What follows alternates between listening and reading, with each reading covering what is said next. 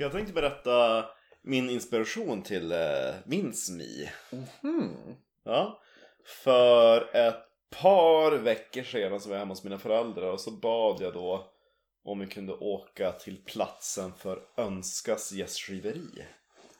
Ja, okej. Ja. Och det räknades vara det vackraste gästgiveriet i Ångermanland. Förklara för oss vanliga dödliga vad ett skiveri är. Gästgiveri. Mm. Det kom till vid gästgiveristadgarna på 1600-talet. Jag minns inte vilket år på 1600-talet. Men det var ju när man byggde eh, liksom eh, riksvägen från Stockholm upp till norr. Ja. Och med jämna intervaller skulle det finnas då en gård som till eh, med både husrum, skjuts, Lite mat. typ bed and breakfast med Uber. Jag skulle kunna säga att det är en, ja, typ en public house. Ja. Ja. Men bed and breakfast med Uber lät väl ändå bra. Och lite pub. Ja, jo, men det hade Ja. de också. De hade ju barskåp. Ja, jo. jo. eh, och då... Värdshus då? Ja, ja, värdshus kan man säga. Exakt. Värdshus ja. med Uber. Ja. Ja.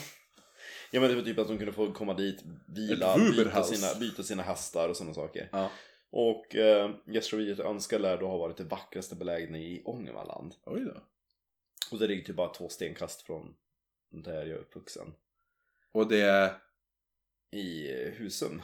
Husum. Ja men mellan, grund, mellan Övik och Mm. eh, Nordmaling kan man säga. Jo. Och Grundsunda. Grundsunda socken, precis. Mm. Ligger ganska nära E4. Men det finns inte kvar längre. Det E4 gamla, finns ju kvar. gamla gästgiveriet. Jaha, nej. Nej. Och då var liksom när jag gick dit, jag bara, alltså, det finns verkligen ingenting kvar. Jag bara har ingen aning vad jag ska leta efter. Ehm, så då gick jag ju, nu tänkte man, nu fan, nu ska jag gräva rätt på allting jag kan hitta. Så jag gick ju och, eller gick, jag kollade på gamla kartor från Lantmäteriet från Mm. 1600-talet. Jämförde med flygfoton.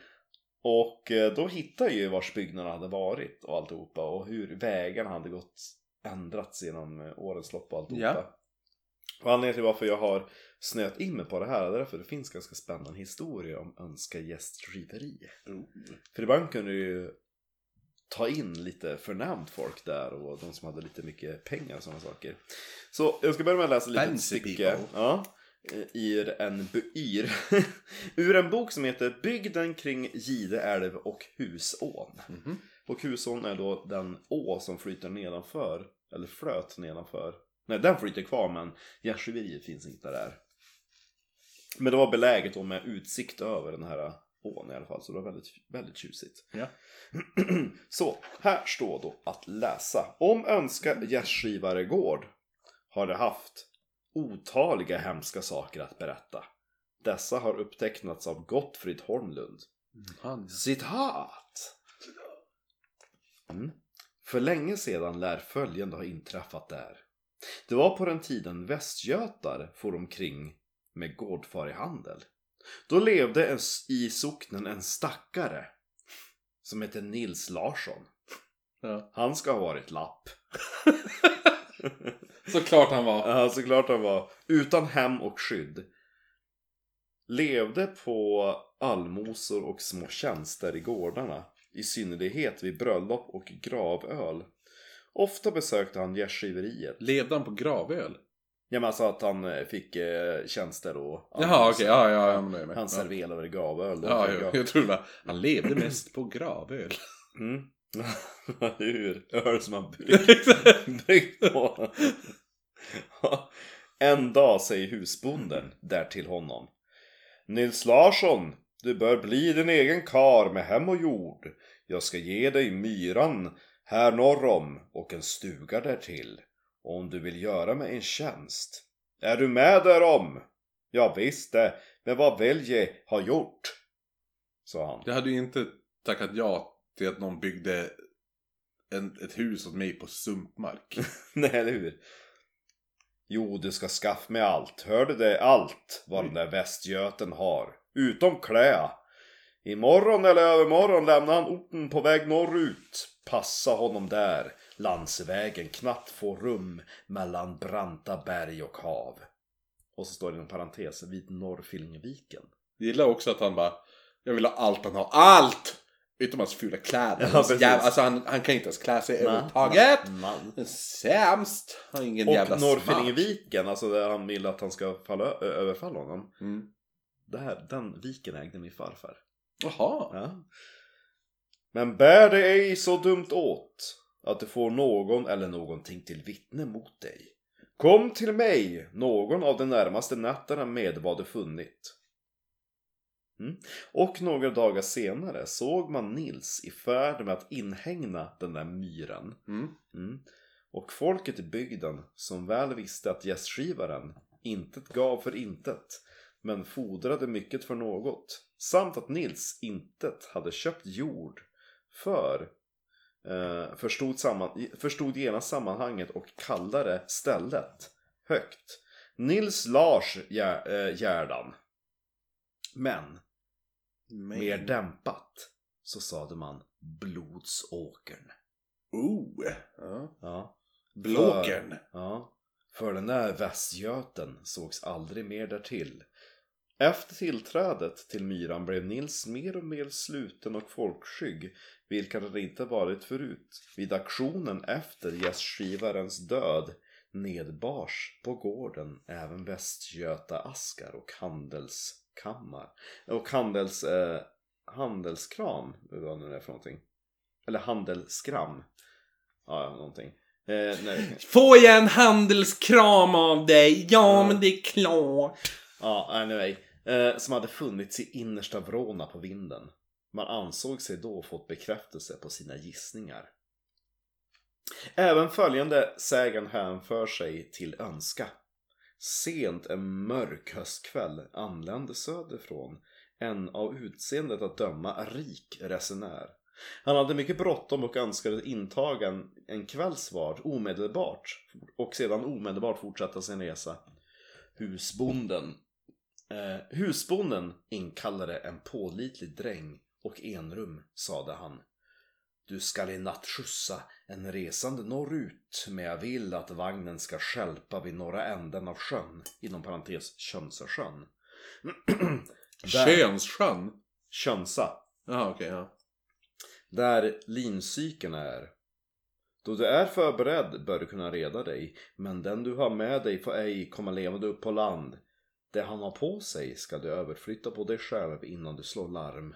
Lämnar du mig allt orört kan du räkna med min fortsatta hjälp resten av ditt liv. Förstår du?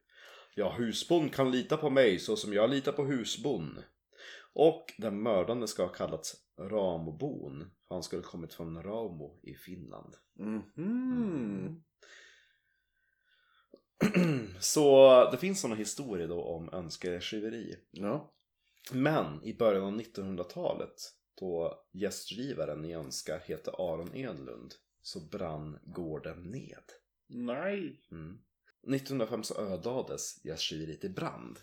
Och nu ska jag läsa om vad som skrevs om branden i den lokala tidningen. Oj då. Hemsk eldsvåda, tre personer innebrända. Igår morse utbröt eld i den stora mangårdsbyggnaden vid Önska gästgivaregård, tillhörig gästgivaren Aron Edlund.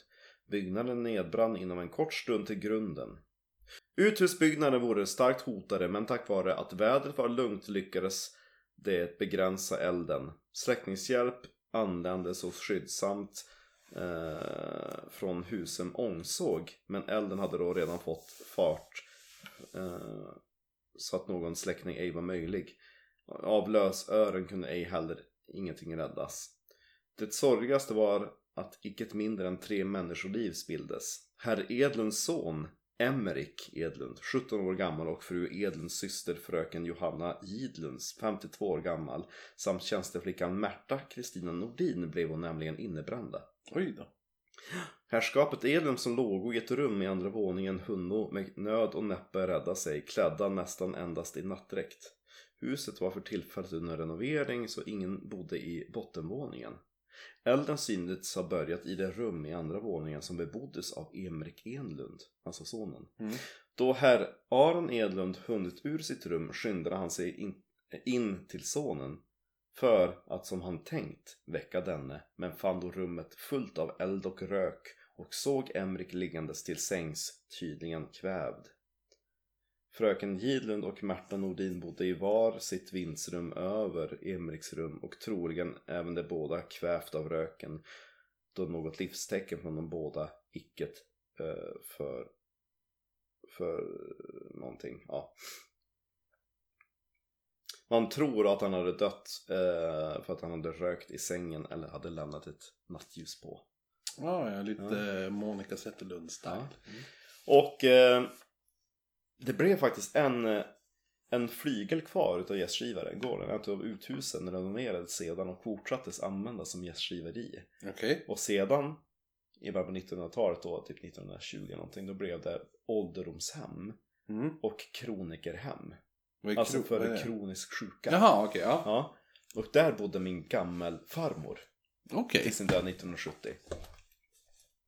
Och det revs då tyvärr när man skulle bygga det nya ålderdomshemmet i Husum på 80-talet. Så det revs typ 1983 eller någonting. Ja. Ja. Men, Main. men, nu när jag har le- letat runt och, och frågat runt lite grann så berättade folk men om du, alltså, för jag hade ju, vi hade ju missat som sagt, har ju lagt om vägarna lite grann. Ja. Det finns ju ingen byggnad kvar som kan visa något landmärke. Men det var då en som bara, men om du går längs den här vägen och så tar du vänster där, Mm. då finns fortfarande källaren och likrummet kvar. Nej! Ja. Häftigt. Ja, Ja. så att eh, dit ska jag sen någon gång, jag Ja. tänkte. Eh, Och onanera. Eh, Så här såg då alltså gästgiveri, eller så här såg alltså kronikerhemmet ut. Och huset eh, till vänster Mm. var då en flygel till gästgiveriet. Ah, coolt. Ja. Ja, så fan Fancy ut. Ja, jo.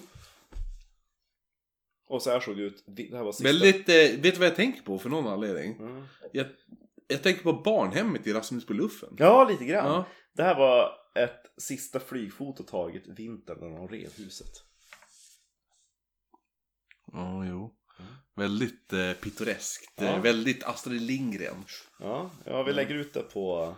Ja, vi får göra någon. Jag tror jag ska göra, kommer lägga upp kanske så här typ sammanfattning, bilder, sammanfattning av luckorna. Ja, ah, jo. Eh, får göra det i veckan på förra veckans Ja. luckor och sådär. Mm.